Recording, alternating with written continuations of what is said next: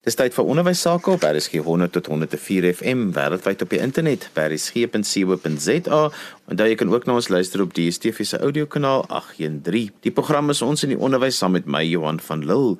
Ons gesels vandag 'n bietjie oor hulp vir skole om hulle eie standaarde te bepaal en daarom het die skole ondersteuningssentre begin om gestandaardiseerde vraestelle beskikbaar te stel vir skole juis om hulle hiermee te help. My twee gaste vandag is Hugo Vermeulen, hy is die hoof van opleiding by die skole ondersteuningssentrum en my ander gas is Celeste Labeskagni, sy is 'n volksskooldosent en ook hoof van die wetenskap onderwysvereniging. So Hugo, hoekom is toetse en eksamens belangrik? Johan, ek wil dit so begin beantwoord vir skole en vir onderwysers. Is dit belangrik om elke leerder te begelei tot sy of haar volle akademiese potensiaal.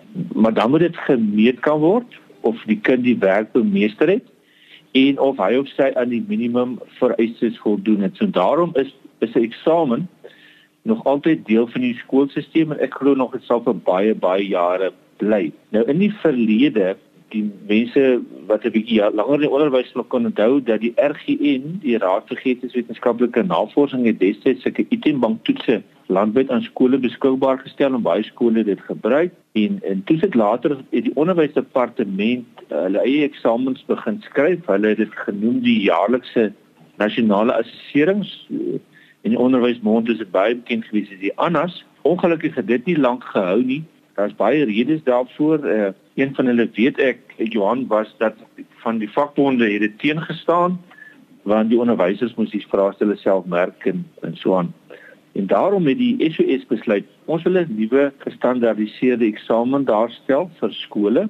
Uh, maar ons wil nie die ou RGN se itembanke of die ANAS vervang nie. Ons wil 'n nuwe nuwe assesseringsinstrument daarstel wat van wêreldgehalte is, wat skole oor die land kan skryf en aan kan deelneem en kan gebruik om hulle eie interne standaarde te bevestig en te vergelyk met waarstaande teenoor ander skole. Hugo, wat presies is hierdie gestandaardiseerde eksamens, maar wat is eintlik 'n gestandaardiseerde eksamen? Johan, 'n gestandaardiseerde eksamen is 'n instrument waarmee ons kan meet of die voorgeskrewe standaarde bereik is. Nou, wat is hierdie voorgeskrewe standaarde? Die voorgeskrewe standaarde word baie duidelik gestel in die nasionale kurrikulumverklaring of die KABV kurrikulum in die volksmond bekend as die CAPS onderwysers sal dit sal dit ken Hulle stel die minimum standaarde voor. Mens kan dit vergelyk Johan met 'n atletiek soos 'n hoogspringlat waaroor jy moet oorspring om te kan dit te kan maak. Nou daar's vier dinge wat mens kan uitlig in hierdie minimum standaarde. Die eerste is leerinhoude. So daar word aan spesifieke dele binne elke vak word daar 'n spesifieke gewig toegeken, 'n waarde toegeken, bietjie meer van hierdie deel van die werk, bietjie minder van daardie deel van die werk. So dis eerstens die leerinhoude. Die tweede een is 'n is die baie belangrike kognitiewe vlakke of denkvermoë vlakke. Daai een van die Bloemse taksonomie, uh, is dit meer kennis en begrip vra of is dit meer die hoër orde vra van evaluering en toepassing? Nou daar is ook spesifieke riglyne rondom dit en daar's 'n sekere persentasie aangekoppel soveel persent laorde vra, soveel persent hoër orde vra. Die derde ding is die algemene moeilikheidswaarde van die vrae in die eksamen self. Uh, want dit is so sekere dele is moeiliker en moeiliker verstaanbaar vir kinders. Dit speel ook 'n rol en dan natuurlik tydsduur. Daar moet maar 'n tydsduurbeperking wees op die vraestelle. So indien jou eksamen dus aan hierdie standaarde wat die CAPS voorskryf uh, voldoen, dan uh, is dit absoluut in lyn en dan kan daar in werklikheid 'n fout wees en dan is die hoogspring die die dwarsland is bepaal en nou moet ons dit probeer. Celeste, wat kan ouers uit die resultate van sodanige eksamens aflei? Johan, ek dink nie die uitslae of die resultate is net vir ouers regtig benutbaar nie, maar ook vir onderwysers en leerders. Is dit belangrik om te kan sê Hy het hulle te voorgeskrewe standaard bereik. Jy weet as mens nou kyk na die Olimpiese spele, daai hoogspringer kyk vir 'n lat op 'n hoogte wat hy nou nie heeltemal weet of hy dit al voorheen of hy het dit nog nie voorheen aangedurf nie. En dis belangrik vir daai atleet om te weet of hy oor die lat kan kom of nie. En hy gaan dit nie kan doen indien hy nie probeer nie. So in hierdie geval is ons voorgeskrewe standaard basies daardie hoogspringlat. Dit is soos wat deur die CAPS voorgeskryf word en wanneer 'n leerder dan hierdie eksamens ander en hulle slaag dit dan weet hulle goed hulle het die inhoud bemeester hulle is oor die hoogspringlat ouers en onderwysers gaan dan dieselfde kan aflei Maar vir leerders, ouers en onderwysers is dit ook belangrik om te weet wanneer 'n leerder byvoorbeeld nie daardie hoogspringlat kon oorgaan nie en dit skep dan ruimte vir 'n mediering by skole as ouers dalk 'n ekstra klas of twee soos die wolkskool wil wil inbring, dan um, kan dit ook gebeur. So ek dink dit is die nut wat kinders, onderwysers en ouers uit hierdie GSE eksamen kan kry. So waarom is dit belangrik dat onderwysers 'n alternatiewe instrument benodig om die standaarde van onderrig te assesseer? So alternatiewe instrument is altyd vir onderwysers 'n baie nuttige bron want dit kan hulle bemoedig, dit kan vir hulle wys waar hulle standaarde is en as 'n eksterne assesseringsbron kan hierdie vir die onderwysers toon dat dit wat die persoon vir hulle geleer het regtig inslag gevind het dat hulle die werk bemeester het. Dis ook vir skoolhoofde baie belangrik want nie net kan hy weet of sy leerders in sy skool op standaard is nie, maar hy kan ook op die ou einde identifiseer waar daar vir onderwysers byvoorbeeld ekstra opleiding gegee moet word of ekstra ondersteuning gegee moet word. Dit is baie belangrik om te onthou dat uitslae soos hierdie altyd op 'n positiewe manier gebruik moet word. Dit mag nooit gebruik word as 'n lat om 'n leerder of 'n onderwyser of selfs 'n skool mee te slaan en te benadeel nie. Celeste, hoe sal 'n eksamen onderwysers kan help met onderrig byvoorbeeld? Johan, wanneer mens kyk na eksamens of enige assessering wat 'n mens doen, enige assesseringsinstrument, kry mens altyd ek mens van nou sê inligting, maar jy kry eers data daar uit. Jy kry 'n spul data punte en daai data kan jy op die ouene verwerk na inligting wat vir jou kan sê waar daar byvoorbeeld probleme is in jou leerplan, hoe die onderwyser moet beplan as hy agterkom daar sekere leemtes in sy onderrigmateriaal gewees, dan kan hy gaan en hy kan gaan beplanning doen. Remedierend kan hy dan aan daardie gedeeltes gaan werk en dan kan onderwysers ook met hulle kollegas deel waar daar byvoorbeeld uitdagings was. Hulle kan saam gaan sit en soek na oplossings en dalk saam onderrigmateriaal uitwerk om op die ouene daai probleme die hoof te bied. Onderwysers is altyd aan die soek na beter maniere om hulle self te verbeter en ek dink hierdie is 'n baie goeie instrument om te gebruik. Celeste, wie het hierdie eksamens opgestel? Wie modereer die inhoud van die vraestelle? Johan, die eksamens word deur eksterne eksaminators opgestel. Ons het dit is almal onderwysers wat tans nog in skole is. Ons het deur 'n redelike streng keuringsproses gegaan om hierdie onderwysers aan te stel en dit is regtig hoogs ervare onderwysers. So ons gebruik dan hierdie onderwysers om die vraestelle op te stel. Ons het vir hulle assesseringsraamwerke opgestel om vir hulle instrumente te gee waarop hulle professioneel kan meet of hulle vraestelle korrek opgestel is. Dit byvoorbeeld Bloom se taksonomie en so voort. Dan nadat daai eksamenvraestel opgestel is, word hy na ewe ervare moderators gestuur en hulle doen dan die moderering. Hulle gebruik ook daardie duidelike riglyne wat ons vir hulle gegee het om kwaliteit te verseker.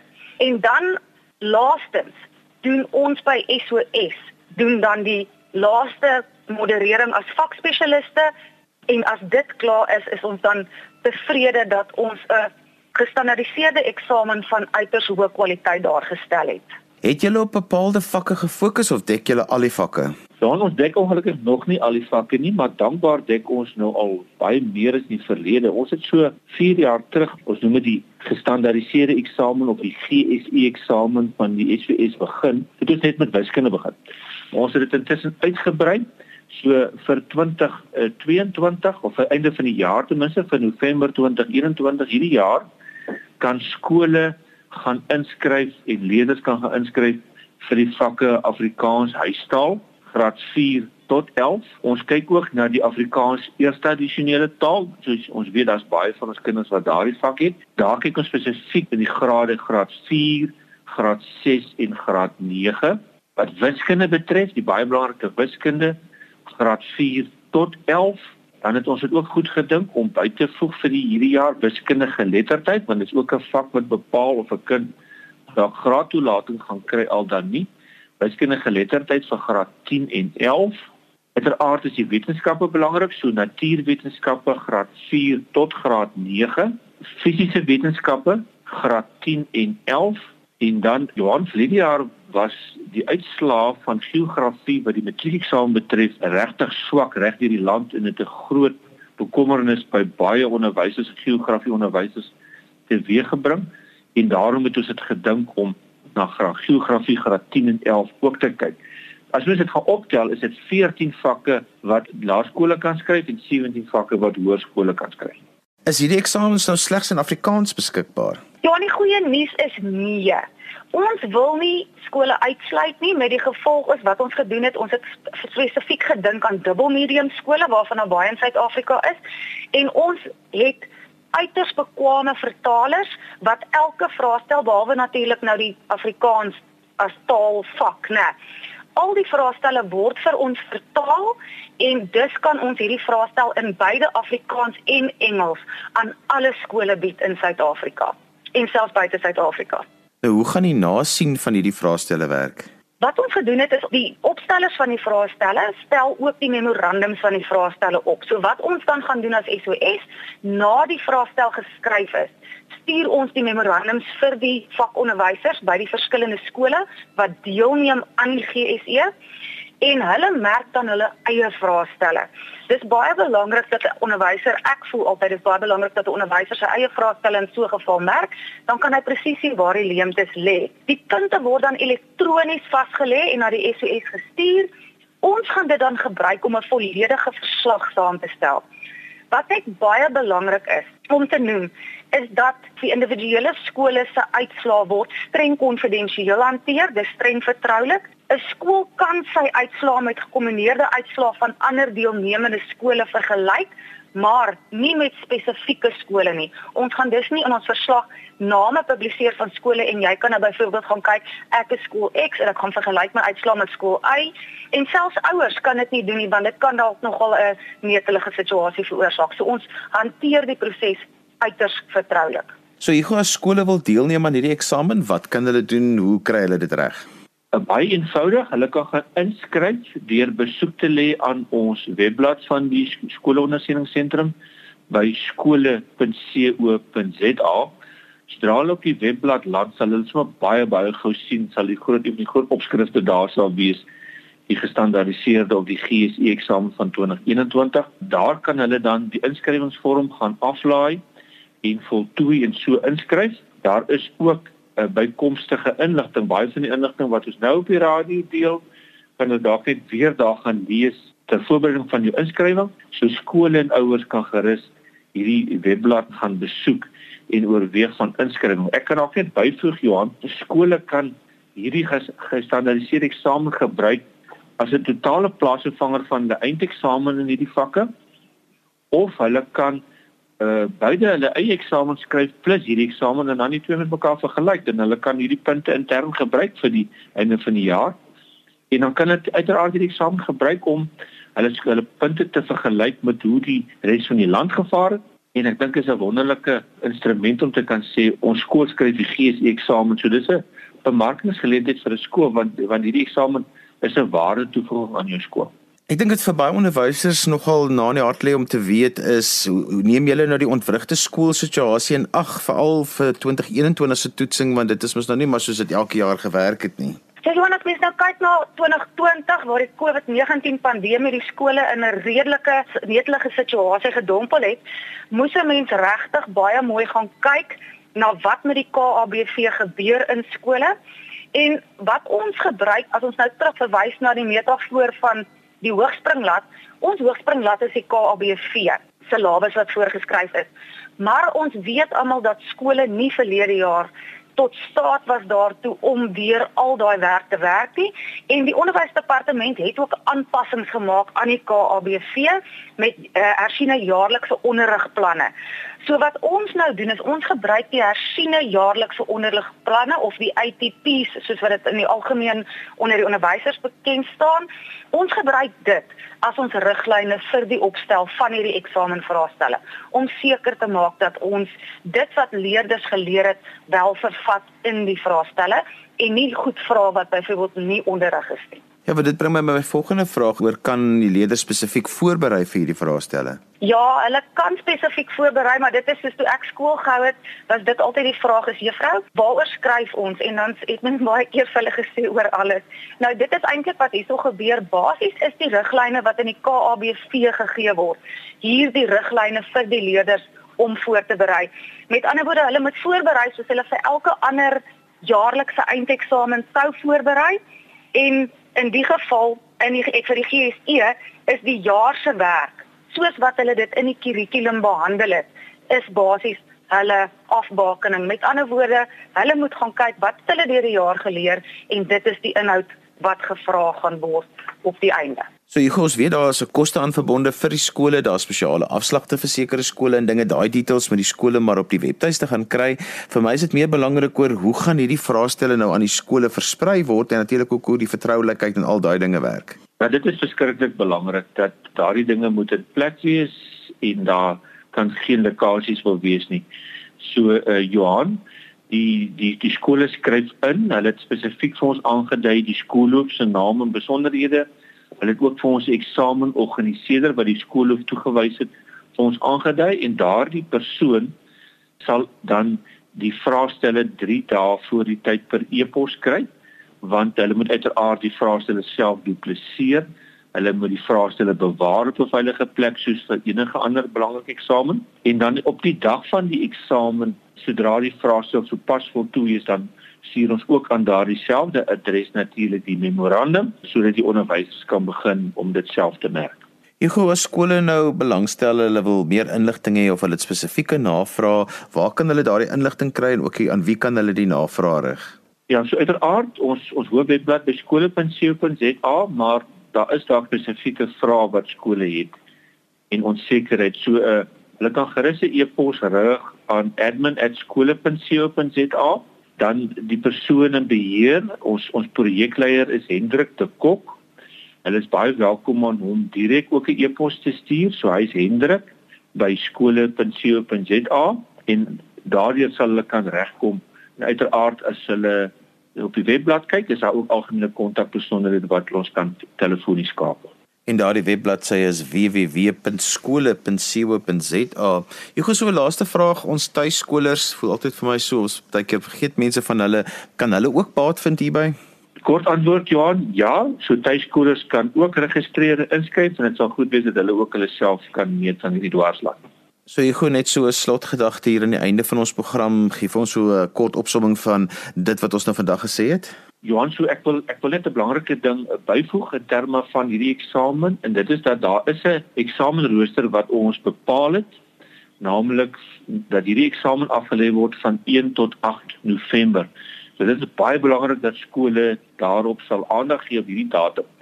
Ons besef egter dat uh, daar is dalk streeks eksamens, daar's dalk in die dorp het die skole ooreengekom oor eksamen. So ons wil vir skole wat graag wil inskryf, maar die datum, die spesifieke datum is vir hulle 'n uitdaging. Dat hulle asseblief met ons sal kommunikeer op die adresse wat ons net nou beskikbaar gestel het, dat ons 'n plan kan maak dat ons 'n baie spesifieke reëling met daardie skool kan tref sodat ons weet die kontrolemeganismes is baie duidelik in plek. Maar uiteraard is daar 'n eksamenrooster van 1 tot 8 November wat ons beplan en ons graag wil ons sê dat al die deelnemende skole moet streng by hierdie eksamen hou.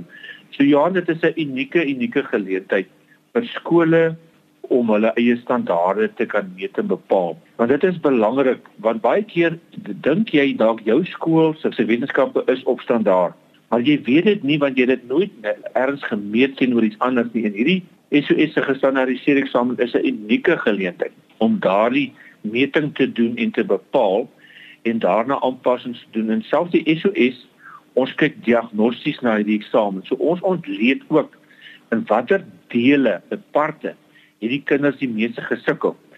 En dan pas ons ons eie opleiding vir onderwysers ook daarbey aan sodat ons kan die dinge aanspreek waarmee ons kinders in eksamen dan duidelik uitgeval het en, en nie 100% presteer het nie. So ons moet nou skole uit om aan hierdie eksamen deel te neem, hulle sal nie spyt wees. En daarmee het ons gekom aan die einde van vandag se ons in die onderwys. My gaste was Hugo Vermeulen en Celeste Labeskagni en hulle is albei van die skole ondersteuningsentrum. Hugo Vermeulen is die hoof van opleiding by die skole ondersteuningsentrum. Celeste Labeskagni is 'n wolkskooldosent en ook die hoof van die wetenskap onderwysvereniging. En ons vandag gepraat oor hulp vir skole om hulle eie standaarde te bepaal en die skole ondersteuningsentrum met 'n reeks vraestelle wat hulle hiervoor beskikbaar gemaak het. daarmee groet ek dan vir vandag tot volgende week van my Johan van Lille Tot ziens.